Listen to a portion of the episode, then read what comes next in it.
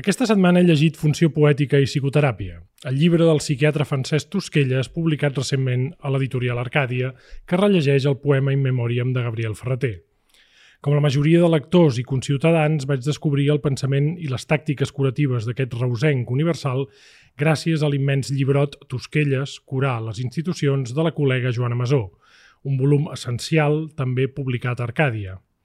Cal recordar i agrair de nou el treball de Masó, i la posterior exposició dedicada a Tosquelles al CCCB, perquè la figura d'aquest singularíssim doctor i la seva forma de liniana d'anar pel món resulta una d'aquelles personalitats filosòfiques i artístiques que a Catalunya podrien ser carn de fàcil folclorització. Però gràcies a la bona feina d'Arcàdia en l'edició, ara sabem que Tosquelles no només fou un psiquiatre eminent i rupturista, Llibres com el que comentarem avui certifiquen que la seva revolució en l'àmbit de la medicina només podia sustentar-se en reflexions teòriques de primer ordre. Perquè abans de barrinar sobre com és la follia en relació a les institucions, Tosquelles va pensar, i molt, en el camí que hi ha entre el subjecte, el llenguatge i la cultura. I afegiria que no només la cultura en general, sinó la cultura de la nostra tribu en particular. El llibre que avui comentem certifica aquest darrer aspecte.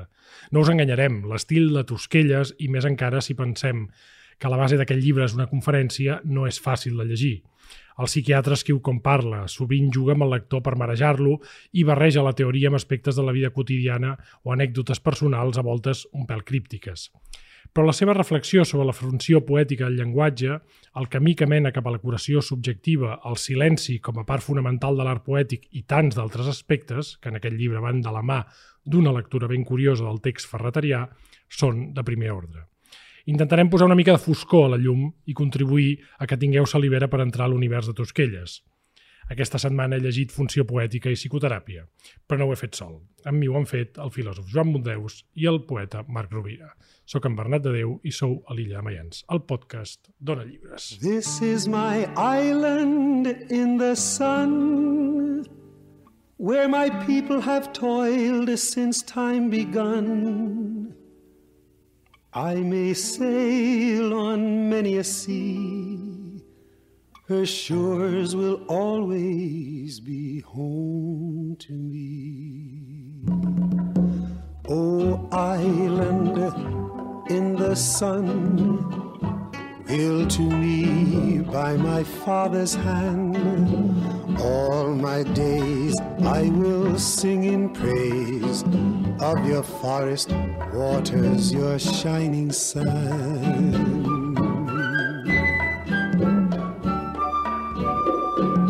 Senyor Bordeus. Bon i poètico-terapèutic dia. Marc, què tal? Ben tornat. Molt bé, gràcies. I amb nosaltres tenim, eh, i a més ho haig de dir a petició dels editors d'Arcàdia, que a qui vaig demanar socors perquè llegir aquest text eh, és molt difícil, a la Laia Badal. La Laia és eh, graduada en Estudis Literaris i va fer un parell de textos a la lectora, eh, revista que el Marc coneix una mica, sobre aquest llibrot. I, per tant, eh, ens ajudarà a barallar-nos-hi una mica, Laia. Benvinguda. Bon dia, gràcies. Per què vas triar aquest llibre? De fet, vaig triar el llibre abans de saber que Arcàdia l'editaria perquè em vaig interessar força per Tosquelles arran de la recuperació molt lloable que la Joana Masó mm. ha fet últimament. De fet, ha guanyat diversos premis amb la seva feina. Donat que era l'any Ferreter i que s'estava recuperant, vaig proposar a la lectora de fer un article de precisament aquest llibre de Tosquelles sobre Ferreter que em va semblar que podia aportar coses al context actual. Al moment no sabia que era un llibre tan llarg ni tan dens, uh -huh. però bé, quan m'hi vaig endinsar em va semblar molt interessant. He de dir que m'hi vaig haver d'endinsar amb una edició castellana perquè la catalana era introbable. Que té gràcia. Eh? Sí. Finalment me la va deixar amb una edició molt antiga una companya que la tenia en un préstec, diguem, una mica més perllongat del conte d'una biblioteca. Sí. Podem dir-ho, sí.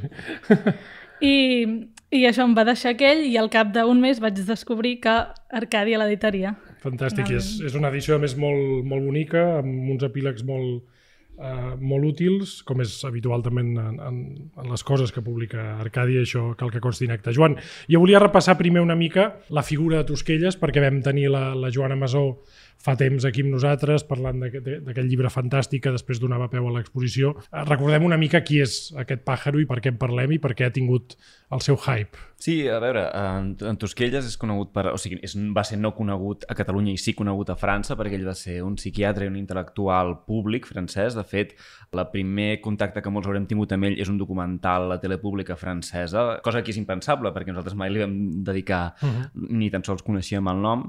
I és conegut sobretot per aquesta feina que resumeix en el títol de, la, de, del llibre de la Joana Masó, deixar curar les institucions. No? Ell comença a Catalunya, a Reus, com és, és militant del POM, té una certa pràctica eh, política que compagina amb la psiquiatria al Pere Mata, que és el, mm. el, el, el loquero d'allà baix, i eh, durant la, després de la guerra s'ha d'exiliar a França i el que fa és convertir-se no, en, en, en un dels... Eh, en, en el psiquiatre o el, el que reforma principalment el psiquiàtric de, de Montalbany. El que hem fet aquest any és recuperar-lo, redescobrir-lo com, a, com a figura, que és, és part de la gràcia és que era un desconegut, i jo diria que mm, la gràcia d'aquesta figura és que agafa tots els punts que ara que nosaltres eh, la podem aportar cap a la contemporaneïtat d'una forma doncs, molt, molt avantatgista, no? perquè tenim un marxisme diferent al marxisme, no? és a dir, un marxisme de, descentralitzat, localista, uh -huh. que recull la cosa nacional, que critica Stalin per agafar els soviets, tenim una forma d'entendre la psicoanàlisi també eh, molt menys neuròtica i obsessiva i grandiloquent que la de Freud i Lacan, que és el seu gran mestre, perquè ell al cap i a la fi el que fa és reformar fer coses molt pragmàtiques, quasi entranyables, tallers de pintura, tallers de fang, uh, simplement uh, canviar l'arquitectura, fer, fer més humanitzar les institucions d'una forma que no... És dir, no era un uh, no, psiquiatre de mm. divan mm. Viena i pacients rics, sinó dels pobres del sud de França. No? I finalment té la, la cosa catalana, que va ser un molt nacionalista, va reivindicar la cosa sempre que podia. De fet, parlava en francès amb un accent català mm deliberadament. El, Albert Sarrià, podríem dir. Albert Sarrià, sempre a l'entrevista aquella que li fan a la tele francesa, reivindica 35 cops la seva condició de catalanitat i una mica a mi aquests tres punts, no? la seva funció de, tant en la part política marxista com en la pràctica psicoanalítica com en el fet nacional, Ara, vull dir, fa, vull dir, n'estem molt, vull dir, eh, pràcticament subscriuríem tot el que va fer, és un d'aquests, no? Hipster before it was cool, ell uh -huh. ja mhm. defensava tot, estava al cantó correcte de la història mentre la història anava just per l'altra banda que ell. Crec que aquesta ha estat una mica uh -huh. la, la gràcia d'aquest any Tosquelles, no? Que sí. era descobrir algú que sempre havia estat al lloc i tot el que creia va ser derrotat i ara descobrim que, oh, tenia raó. Sí, sí, la qual cosa és especialment interessant al final d'aquest llibre amb un, amb un quasi epíleg propi polític d'una gran, gran força, no? molt, molt curiós. Um, molt curiós sobretot perquè és un llibre bàsicament d'anàlisi filològic, en teoria, eh? sí, per dir-ho sí. així. L'altra prota del llibre és Gabriel Ferreter uh, i aquest In Memoriam, Marc. Per què és tan important aquest, aquest poema? És un poema, clar, molt autobiogràfic, però pràcticament bastant icònic. Si és que, bueno, Ferreter jo diria que ho ha fet tot icònic, no? Però per què diries que Tosquelles el trio o per què és tan important, diguéssim, aquest poema? Jo crec que és un poema important d'entrada perquè és, és el primer poema que apareix al seu primer llibre, de Nuques Pueris, i per tant funciona com una mena de pòrtic. El, el poema es diu In Memoriam, com si hagués hagut alguna mena de mort, diguem-ne, no? I és tota aquesta, és tota la infantesa i tota la joventut que queda sepultada, en aquest cas coincidint amb la Guerra Civil, i llavors el llibre ja comença, diguem-ne, amb la vida adulta, per dir-ho d'alguna manera, que és el que li interessa sobretot a, a Ferreter. És molt interessant aquell, aquest poema, o a mi em sembla que és molt interessant, perquè, com tot en Ferreter, enganya una mica. És a dir, és veritat que és, és autobiogràfic, que parla de qüestions històriques i biogràfiques, però en realitat, i això ja ho comentarem després a propòsit del que diu Dusquelles, no? però en realitat eh, Ferreter l'utilitza una mica per parlar d'allò que més li interessa, que és aquella altra cosa que Dusquelles comenta uh -huh. i que, de fet, travessa tota la seva obra. Una mica la gràcia de, de, de la poesia de Ferreter és que sembla, o en alguns moments se l'ha volgut encasellar dins d'una determinada poesia de l'experiència, però si un comença a llegir Ferreter de prop veurà que això no és ben bé així. És a dir, que aquesta associació que sempre s'ha fet entre Ferreter i Gil de Viedma, per exemple, Uh, jo trobo que és... Uh, Interessada, és, com a mínim. Exacte, exacte. I que si agafes l'obra d'un i de l'altre, veus que realment hi ha moltes diferències. Això Clar, ho comenta Tosquelles aquí en aquest llibre des de la seva banda, però és una cosa que, per exemple, Pere Gimferrer sempre ha dit. És a dir, Pere Gimferrer sempre ha reivindicat l'apartat més, no sé si dir-ne secret, o l'apartat eh, menys evident de la poesia de Ferreter, que és que hi veu sempre com una mena de punt de fuga. Allò que t'està explicant Ferreter, en realitat, li serveix sovint per anar donant voltes entorn del veritable tema que vol tractar, no? que és alguns diuen, doncs, la, o ell mateix va dir, la, la, la vida moral de, de les persones, diguem-ne, però sobretot una determinada idea d'ètica. I Tosquelles, a més a més, comenta, hi ha un moment que... Ara, hi entrarem, suposo, el llibre, eh? però hi ha un moment que em va fer molta gràcia perquè comenta que, que Ferreter, de fet ho afirma, diu que Ferreter és un bon poeta justament mm. perquè no fa allò que fan els poetes d'ofici, que en el fons són homes, no? que és l'expressió també és bastant divertida, amagar-se l'ou a, ells, a ells mateixos i amagar l'ou al públic. El que fa Ferreter sempre és intentar eh, acostar-se al màxim possible eh, a aquesta idea, no? o sigui, aquesta cosa eh, important en totes les, les situacions que expliquen en la seva poesia. I aquest poema és important doncs, per això, perquè serveix de pòrtic una mica de la seva poesia i perquè aquí ja hi pots veure per on, per on tirarà posteriorment. Mm. Hi ha algunes de les coses que, dels quals ens parlava el Joan quan parlava de Tosquelles en, a l'inici del text, no? quan ell mateix parla de la seva pròpia estrangeria, no? Uh, quan ell mateix, per, per dir-ho així, es posa en els marges, no? es posa com, sí. com un personatge estrany, quan parla del, del feixisme que hi ha intrínsecament a tota institucionalització, això, això em va parlar una mica, eh, el que deia ara el Joan, no? aquesta eh, estrangeria que també ve d'un progressisme molt anàrquic, molt anti...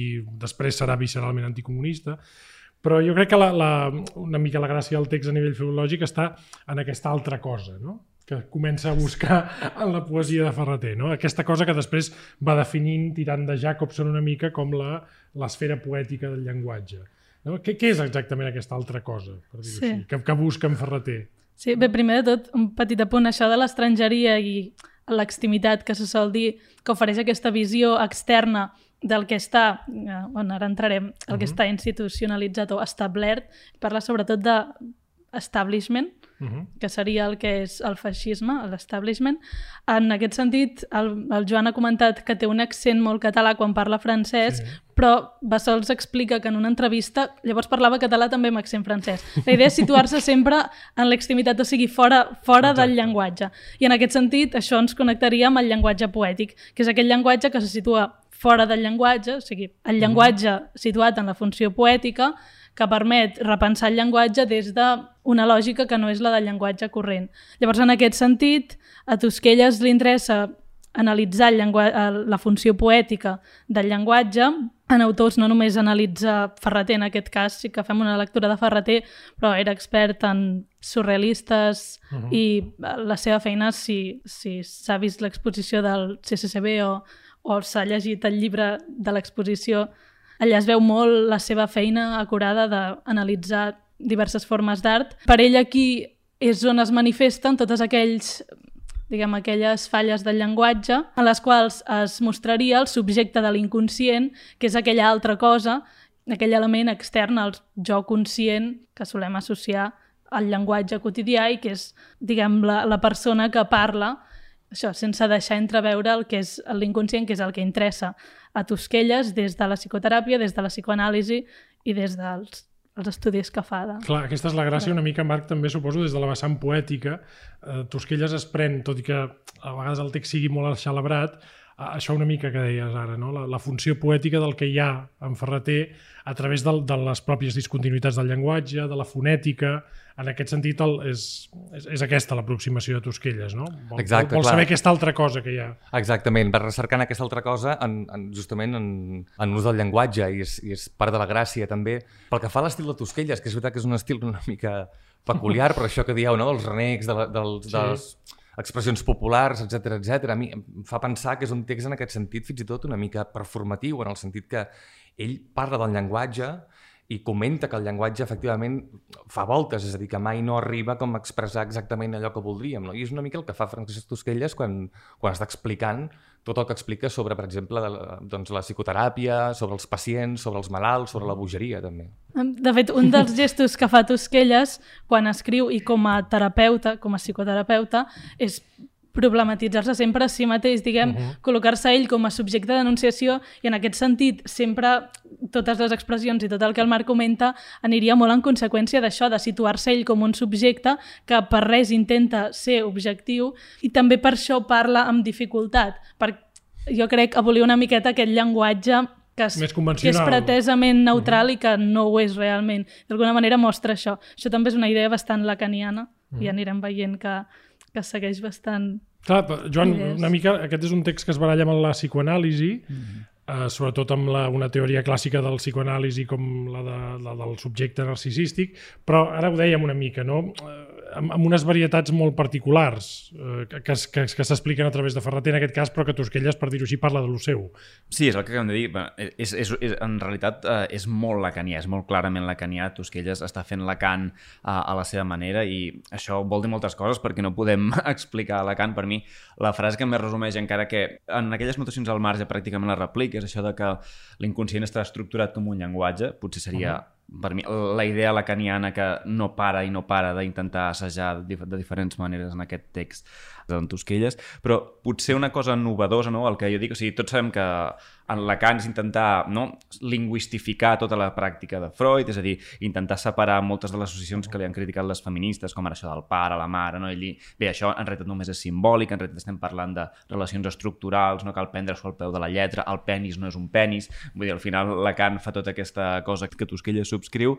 Per mi, si ella porta alguna cosa o alguna idea, a mi m'agrada, almenys això es veia molt a l'exposició, i aquí també ho comenta algunes vegades, aquesta cosa de la fisicalitat i dels peus, no? Per mi, eh, Freud, inclús Lacan, són molt visuals, molt òptics, sempre parlen mm. de la, la fase del mirall, és una cosa molt lacaniana, i Tosquelles, una cosa que, que té molt a veure segur amb la pràctica que va fer de no estar tractant a senyors rics, sinó d'anar a, a un sanatori de pobres al sud de França. En temps, a més, en temps de guerra. en temps dir, de guerra. La gent i estava molt cardada. Sí. Exacte. I, i també per, per aquesta cosa també que has comentat abans, que junta la part política amb la part filosòfica, la part anarquista local, és, és un- una idea de psicoanàlisis molt menys tortuosa i també això que deia la Laia, de, molt menys de posar-se en la disposició del mestre i acompanyar els altres. I, i en el fons és una psicoanàlisi Uh, si el missatge típic de la psicoanàlisi és que no hi ha cura possible perquè tot és uh, una neurosi i un buit i que en el fons és ap- aprendre a reconciliar-se amb, la pròpia, amb el propi malestar, jo crec que en Tosquelles va...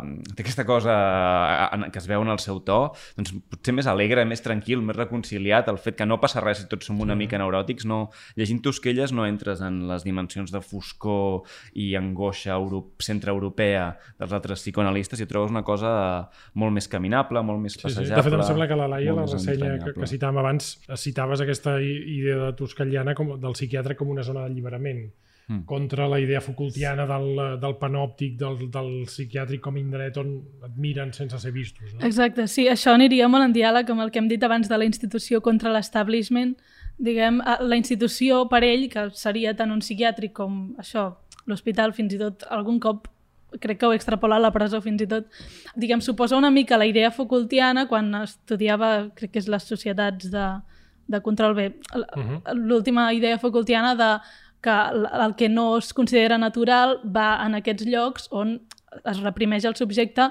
Um, més endavant, uns anys més tard, Deleuze reestructura la idea de Foucault i diu el que ha passat ara és que aquest poder que s'imposa als cossos està desterritorialitzat, és a dir, uh -huh. ens afecta a tots els nivells de la vida quotidiana. En aquest sentit, Tosquelles és molt més deleuzià, podríem dir, i diu que a les institucions, precisament, és on aconseguim crear un context a part, si vols, extim um, estranger, diguem, per, per poder escapar d'aquesta lògica que s'imposa a tots els altres nivells. Mm -hmm.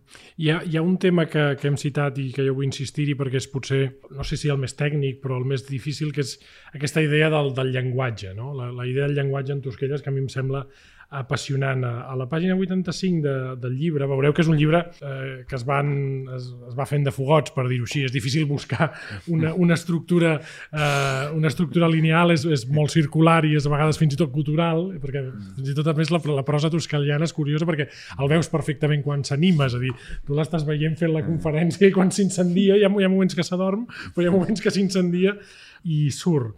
I parla de la relació una mica, arrel del que deia també el Joan, d'aquesta idea del narcís, d'aquesta idea del, del, de la psicoanàlisi com, com a mirall, i d'on surt eh, el llenguatge amb el qual, en el fons, ens parlem a nosaltres mateixos. No? Diu, el narcisisme, que brolla de la font, és la pàgina 85, com totes les diverses pulsions eròtiques amb què es combina, només s'hi faci lligam vital pel camí del llenguatge. Encara que ens reveli aleshores els límits del cos a cada home de carn i ossos que ensuma, que toca i que atrapa, li cal també amb el sexe destriar l'altre i el qualifica com a conductor o dipòsit d'objectes de desig. Les pulsions i el narcisisme no són instàncies de la mateixa categoria i destí, però tampoc no són res de què es pugui parlar concretament. És perquè el que se'n pot dir i el que se'n pot escoltar només va pels marges d'allí on passen i deixen rastre. Només trobem el rastre pels camins que passen, i aquests camins són el del llenguatge. Suposo que aquí és, és una mica on, on, on Marc, on tenim la, la, la pista de, de, de com s'analitza el, tem, el text de Ferreter, no? d'aquests rastres. No? Exacte, justament d'aquests rastres i una de les coses que pensava quan estava llegint el llibre de Tosquelles és que ell, per exemple, s'excusa molt quan parla de, del poema de Ferreter. És a dir, mm. em recorda una miqueta a, a Freud excusant-se davant de la, de la comunitat uh, mèdica, no? perquè està fent una cosa molt estranya i Tosquelles li passa una mica, sempre està dient i sempre està repetint jo parlo des de la psicoteràpia, no vull ser crític literari, etc etc. I això fa una mica la sensació que potser des del camp de la crítica literària aquest llibre, com a mínim fins ara, no s'havia pres gaire seriosament. De fet, uh, sempre s'havia com com tingut com un llibre que, doncs d'acord, parla una mica de la poesia de Ferreter, però millor no li fem cas perquè no l'acabem d'entendre, no? Uh -huh. Però clar, és que realment moltes de les coses que comenta Tosquelles Uh, si voleu, des de la psicoteràpia, són coses que tenen molt a veure justament amb la crítica i amb una crítica potser doncs, també estructuralista. Penso en Roland Barthes, per exemple. Hi ha mm -hmm. moltes coses que comenta sobre el llenguatge que Roland Barthes està comentant en els seus principals llibres. Per tant, realment crec que, tot i les dificultats que pot tenir la lectura d'aquest llibre, com a mínim, clar, és el que deies tu també, Bernat, el, el discurs del, del Tosquelles és circular, fa molts toms, etc etc. Mm -hmm. És un llibre que en una sola lectura és molt complicat d'acabar d'agafar, no? És a dir, se t'escapa per les mans per tot arreu. Sí. Això és una mica eh, el que fa Tosquelles amb aquest, amb aquest discurs, justament és el que posa en marxa una mica el que està explicant sobre el llenguatge, sobre la importància del llenguatge i dels rastres que deixa. No? És dels més clars, també cal dir-ho. Sí, bé, Imagina't, I- imagina't els altres, però, sí. però és dels més cartesians, deixa'm sí. dir-ho Sí, així, no? sí, sí, fins i tot hi ha una cursiva d'aquestes que t'ajuden a entendre, o com a mínim t'ajuden a citar-los si Sí, sí, vols sí, posar sí. a Twitter que l'has llegit. um, Uh, sí, aquest fragment que has llegit parla del significant, no, o, bé, posa molt èmfasi en aquesta idea, quan has comentat la funció poètica, hi ha una cosa que és important de la funció poètica i el que diu Jacobson és que l'èmfasi ja està molt més en la forma que en el contingut, o en tot cas que la forma transmet molt més contingut. Llavors, en aquest sentit, també connecta amb aquesta idea psicoanalítica o psicoterapèutica, com en vulguem dir, de, que, el, que el subjecte s'expressa, el subjecte de l'inconscient s'expressa en el significant del llenguatge, uh -huh. no en el significat, sinó en la forma aquesta del llenguatge. El que comentaves és una mica quan, quan Tosquelles comença a fer unes coses que potser des de la crítica literària sí que són una mica Sí. sí. estranyes, que Sí. sí. és quan diu això de la relació de Reus, Bordeus, Exacte. no? Tot aquest tipus Sí, de... això, és, això és fins i tot una, un moment que sembla que s'estigui obsessionant amb el text, Clar. sí. perquè ell també ho explica moltes vegades, no? que en el fons també s'està psicoanalitzant en certa manera. Exacte, no? Els sovietes i les bicicletes, totes aquestes associacions que fa, que és veritat que des de la crítica literària eh, et poden deixar una miqueta eh, espantat, però clar, és justament la demostració d'això que estaves comentant. I que en aquest sentit entronca amb molts debats de la crítica literària, perquè has, has esmentat, no sé si, l'estructuralisme. De fet, hi ha, hi ha tot el debat, el, primer amb el formalisme rus, que se centra sobretot en la forma. Llavors aquí a vegades pensem, ostres, potser està, potser està caient en els els excessos que es va dir de, del formalisme rus, Sí, de centrar-se massa de forma. es fixa en el sumatori d'una A en unes frases. Sí, que també és veritat que és una cosa molt psicoterapeuta, diré psicoteràpia Mm. per no dir psicoanàlisi, si ell volia dir psicoterapeuta, però um, això, que és una cosa molt psicoterapeuta, però de, de fixar-se molt en cada significant, això, en cada, en cada repetició, en cada gest, en cada sonoritat, però també és veritat que ell mateix llavors connecta amb altres moments de la crítica literària quan cita, llavors sí que anem a una cosa més estructuralisme, estructuralista, quan diu relacionar les parts amb el tot, tot això ja... També ja... parla de- d'analitzar els silencis del poema, no? les Sí. cesures, les inconnexions, Exacte. fins i tot. Jo crec que hem d'explicar la fase del mirall de Lacan, perquè això del narcisisme és, és, la, és la fase del mirall és la que, per mi, és la teoria del mirall de Lacan és la que junta uh, la, És que la l'he sobreentès, perdona, deu ser una cosa No, també però- psicoanalítica que, que la- la pra- que no l'hagi explicada. Clar, no, però la- per mi és interessant des de la part narcisística. No tots sabem aquesta idea, o no ho sabem, però simplement dir que és aquesta idea de que l'infant, que en realitat és un garbuix de pulsions desendreçades, quan es mira al mirall i veu un cos, algú li diu això ets tu, i en el moment que diu això sóc jo, i diu jo, no? I aquesta identificació, en el fons, és una identificació artificial, no? Llavors, és una identificació també narcisista perquè hi ha un plaer, és a dir, hi ha un plaer en reconèixer i això i és la, la imatge és que Mm. no és veritat, la identificació no és veritat, però tot i així aquest punt extra de, de plaer narcisista, d'alguna mena de pulsió, fa que tot i saber que, no, que allò no som nosaltres, ho juntem. Doncs això és el llenguatge, no? És el mateix, la, la idea aquesta de Saussure, que també cita uh, en Tosquelles, com, perquè hi ha moltes teories del llenguatge, però clarament els lacanians sempre van de la idea de Saussure, de significant i significat, uh -huh. que són dues cadenes independents. Doncs el que enganxa el significat amb el significant, no? la paraula flor amb el referent de la flor, és el mateix que enganxa el nen amb la seva imatge del mirall. És igual de fals, hi ha un punt de plaer i és igual d'arbitrari i es poden produir, no? sempre hi ha l'altra noció clau dels lacanians, la idea de metonímia, no? la, els significants poden anar-se enganxant equivocadament i és la imatge que tots tenim en una pel·li de, que quan descobrim que la flor significa en realitat la mare que t'acariciava massa mm -hmm. sexualment i això ho descobreixes ja al moment de cura, no? Um, clar, això és el que fa aquesta tradició que el mateix Tosquelles critica perquè ha fet tant de mal a vegades, no? No hi ha res més insufrible que Freud mateix ho feia amb els quadres de buscant una forma, un penis i trobar penis everywhere. Doncs, uh... És, que, és que el trauma es pagava, Sí. es pagava molt car i, i, havia, i havia de pagar la, la tela del divà, eh? no, no és un tema menor. Exacte. Viena estava, Viena estava molt cara ja en aquells moments. Jo no sé si us ha passat a vosaltres, jo llegint, la, la, clar, la, és el que sempre passa amb les crítiques psicoanalistes, que com ves crítica al psicoanalisme, és, és infalsable, és indemostrable, sempre hi ha aquest punt de que dius, mm, podria ser, Tosquelles, aquí podria ser, o potser te n'estàs anant uh, per allà on t'interessa, i el, el grau de persuasivitat d'una crítica psicoanalítica és, uh, és sempre dels que requereix comprar més marc teòric per entrar-hi, i en aquest sentit està bé, però també hi ha moments del text que, que, que pot ser que te'n vagis perquè ja has arribat a un punt d'això que dèieu, no? de la part fonètica, has d'haver comprat molts pressupòsits com per estar analitzant la, el- si la T majúscula de Tamarit i la T minúscula Exacte. uh, expliquen una història d'amor i odi. I després hi ha el joc, de, abans ho deies, no? de, de, del propi escriptor també com a, com a persona que es fa autoteràpia, hi ha un moment molt divertit al final, i a més a més el, el puta és tan irònic que ho fa al final, que diu, per això faré encara algunes referències personals que aniran pels camins de les preocupacions dels infants, que entre el, el pare i els fills, en tot cas, tracten de les problemàtiques misterioses de la mort imaginària i de la mort simbòlica. Parlaré de mi perquè també hem dit que en tot acte de psicoteràpia les problemàtiques personals de l'analista entren en joc, de tal manera que cap analitzat pot anar pel seu propi treball més enllà del que el seu analista haurà fet pel seu propi compte. Cosa que no vol dir que l'analitzat només imiti l'analista. Al contrari, el treball previ de l'analista pel que fa a la seva pròpia singularitat garanteix la llibertat de la reconstrucció del que s'analitza. déu nhi eh? Però, bàsicament, jo diria que justament per aquest efecte que, que dius tu, Joan, ell introdueix també una, una mica el joc, eh, que, que també en el, en el cas del, del Tosquelles perquè fa, pel que fa a aquest text, eh, i em sembla que la Laia també en parla al, al, a les ressenyes que n'ha fet, té un afegitó que és que ell tracta el... bueno, anàvem a dir a Gabriel Ferreter, però li diu Biel, d'una forma molt familiar.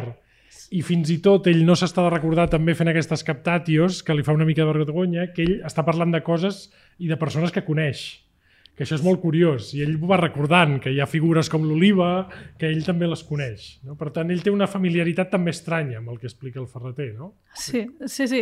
Amb, amb això que dieu hi ha diverses coses. Per començar, sí que ell mateix en tot moment és conscient que no està fent crítica literària o, o n'és conscient, o com a mínim e- ell ho diu, perquè potser sí que està fent crítica. Al final, a vegades, una bona crítica el que fa és il·luminar el text potser traient-lo fora de si mateix. No sé si aquí parlem d'això, però en tot cas, ell no para, no para de dir que el que està fent és il·lustrar aplicar la seva anàlisi, la seva um, psicoteràpia al text. Uh -huh. Diu, jo no sóc no sóc crític, no sóc comentarista, diu jo estic il·lustrant el que jo faig jo amb un pacient. Llavors, analitza Biel com a un pacient. Llavors, en aquest sentit, per això parla de la seva relació amb ell, sempre partim de la base que fa una teràpia en què humanitza molt el pacient, que ell és molt conscient del lloc on se situa, en cap moment no busca anar més enllà, i tanmateix sí que és molt conscient del context crític. Parla, cita, per exemple, Moles i Castellet, que són bastant els responsables de la lectura de Ferreter com a poeta de l'experiència,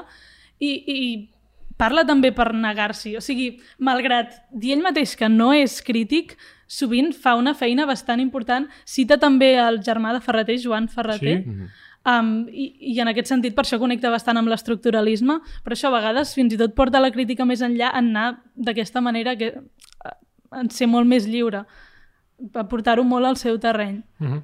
Parla al final, en una metàfora molt, molt curiosa, Marc, que a mi m'agrada molt, del, del poema com un cos verbal. No? En, aquesta, uh -huh. en aquesta, diu, és així que d'Antubi un poema el veiem gairebé com la forma d'un cos verbal estès per damunt del llençol blanc de la plana, com quasi diria que s'entén el cos d'una dona que espera l'amor o que apareix el que ella mateixa genera. Està, està molt... molt... Està... Realment, de tant en tant té, té moments brutal. Diu, ni més ni menys que els fills, ni més ni menys que un cos nou, un fill fet amb lletres. Fer un poema, escriure'l, és un veritable treball de representació de l'obert o el tancat del cos, que busca i sovint defuig el cos de l'altre. El poeta s'hi esplaia, explana i salta les distàncies, però mai no arriba a anul·lar-les. Em penso que el Biel, si fos viu, no em contradiria. Clar, i, i a més a més, clar, lligant això amb el que comentàvem abans del mirall i de Lacan, hi ha una qüestió que em remet sempre a un article de Peter Zondi, per exemple, que parla d'un poema de Paul Celan, i em sembla que ja ho havia comentat en el, algun altre capítol dels nostres, però que és molt interessant perquè Zondi era amic de Paul Celan, això pel que fa al llenguatge i a la poesia. Eh? I, clar, un dels principals problemes de la poesia de Celan és que costa entendre-la, diguem-ne. Mm -hmm. uh, llavors, clar, el que fa Zondi una mica és explicar el poema a partir de l'experiència que coneix del, de, de Celan, perquè com que eren amics, ell sap perfectament de què està parlant Celan en aquell poema. Llavors t'explica, no, és que um, aquell dia Celan va arribar aquí, es va posar, vull dir, va estar-se en aquest hotel durant tres dies, aquestes pomes que apareixen són unes pomes que venien per Nadal al mig del carrer, etc etc. I amb això, com a lector, tu sents que ja estàs entenent de sobte el poema de Celan, però l'últim comentari de Zondi una mica és, val, ara jo t'he ofert una il·lusió de comprensió del poema, però en realitat el poema no és això. En realitat el poema no és la qüestió biogràfica que l'autor està donant a entendre aquí, uh -huh. sinó el funcionament pròpiament del llenguatge. No? Exacte, que això se, se diu perfectament amb, amb la lectura que fa del Clar, que l'Inmemoriam, perquè al final la lectura mai no és literal, Eh? Suposo que també Tosquelles ve, ve a dir que per una lectura literal d'un text no necessitem la poesia eh? i que per tant la, la lectura sempre ha de ser simptomàtica i realment eh, és, és normal que Ferreter jugui amb això quan fa poemes tan d'aparent narrativitat i experiència i tan aparentment fàcils amb la qual cosa també indica que la lectura existencialista i merament narrativa de Ferreter és tramposa. Exacte. I que aquesta trampa no és casual, no, és política, no. és comunista i espanyola. per, per, per insultar tothom, diguéssim, en, un, en, una, en una mateixa frase. No, però, seriosament, vull dir, aquest any mm. Ferreter se n'ha parlat moltíssim d'això mm. i realment eh, Tosquelles en mà, vull dir que aquest llibre pot ser un artefacte molt, molt interessant per no només per analitzar Ferreter, sinó altres textos. Te n'adones que les presumpcions a l'hora d'analitzar la poesia, vaja, eh, què t'haig de dir, no? no són gens neutrals. No, eh? i, i a més és que realment, sí, perquè clar, aquí Tosquelles comenta uh, l'Immemoriam, crec que parla de Teseu i després del poema inacabat, sobretot, no? d'aquests tres poemes. Però jo pensava sempre en un dels, també dels primers poemes de, publicats de Ferreter, que són els jocs, justament, i que parla de com ell va passejant per un barri, em sembla que barri extrem, diu, alguna cosa així. I el poema acaba dient, jo, com que sóc un doctrinari ple d'odis intel·lectuals, no sé deixar que no vulguin dir res quan es distreuen, cansats d'empaquetar o d'escriure màquina. Si ara me'ls miro i sento simpatia per ells, vull creure que ells em fan sentit dins el joc dels sentits que a mi em distreuen per bé que els tinc molt mal lligats. Vull creure que els moviments precisos d'aquests cossos fan un bon precedent, no sé de què. I jo crec que aquesta és realment, d'alguna manera, la definició de, de la poesia de Ferreter. És a dir, aquesta mena de precedent, no sé de què, perquè l'estem buscant, no? perquè no saber de què és el que, és el que permet escriure el poema, diguem-ne. I, I tot això lliga perfectament el que diu Tusquelles, és a dir, que si a partir d'aquest llibre agaféssim, diguem les dones i els dies i comencéssim a pensar no? en el que diu Tusquelles i intentéssim veure uh, què més hi ha, jo crec que trobaríem moltes coses. Mm -hmm. Sí, doncs, que de fet no, no voldria caure en una lectura biogràfica de Ferreter, però és veritat que ell estava bastant interessat en tota la psicoanàlisi I, i tant.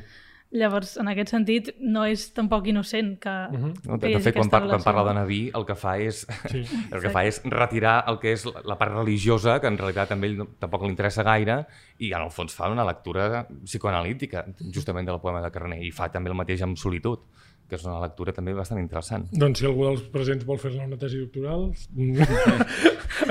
ajudarà moltíssim al país, tot i que fer una tesi doctoral sobre psicoanàlisi acostuma a comportar que acabis, que acabis segurament internat. El divan, diguem. Internat. Bé, com veieu eh, i com escolteu ara els oients, és un text eh, que permet molta filosofada, molt ric, també per això n'he volgut llegir els fragments més clars, a vegades és molt vell, cal dir-ho, a vegades és desesperant també, hem de ser sincers, però, però jo diria que és un text eh, que permet primer prendre's molt seriosament la, la figura de Tosquelles, en això insisteixo en la feina que ha fet la Joana Massó, perquè eh, amb, amb molts filòsofs, eh, humanistes, en aquest cas psiquiatre, però és un psiquiatre que, com veieu, desborda el, el tema pròpiament mèdic, de, que podrien assemblar-se a figures com les de Tosquelles, com Dalí o Pujols.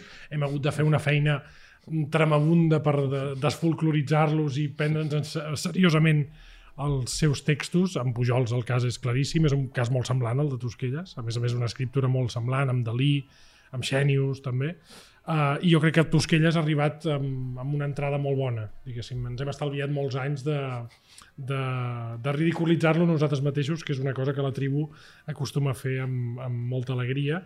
I així doncs gràcies Laia per haver vingut i per haver-nos donat una mica més de pistes, o potser per haver complicat més la lectura, no sé què hem fet, però en qualsevol cas jo crec que el, el, algun input de lectura hem, hem donat i moltes gràcies per, per acompanyar-nos, per donar-nos pistes. Gràcies a vosaltres per convidar-me. I senyors, ens veiem aviat. Salut!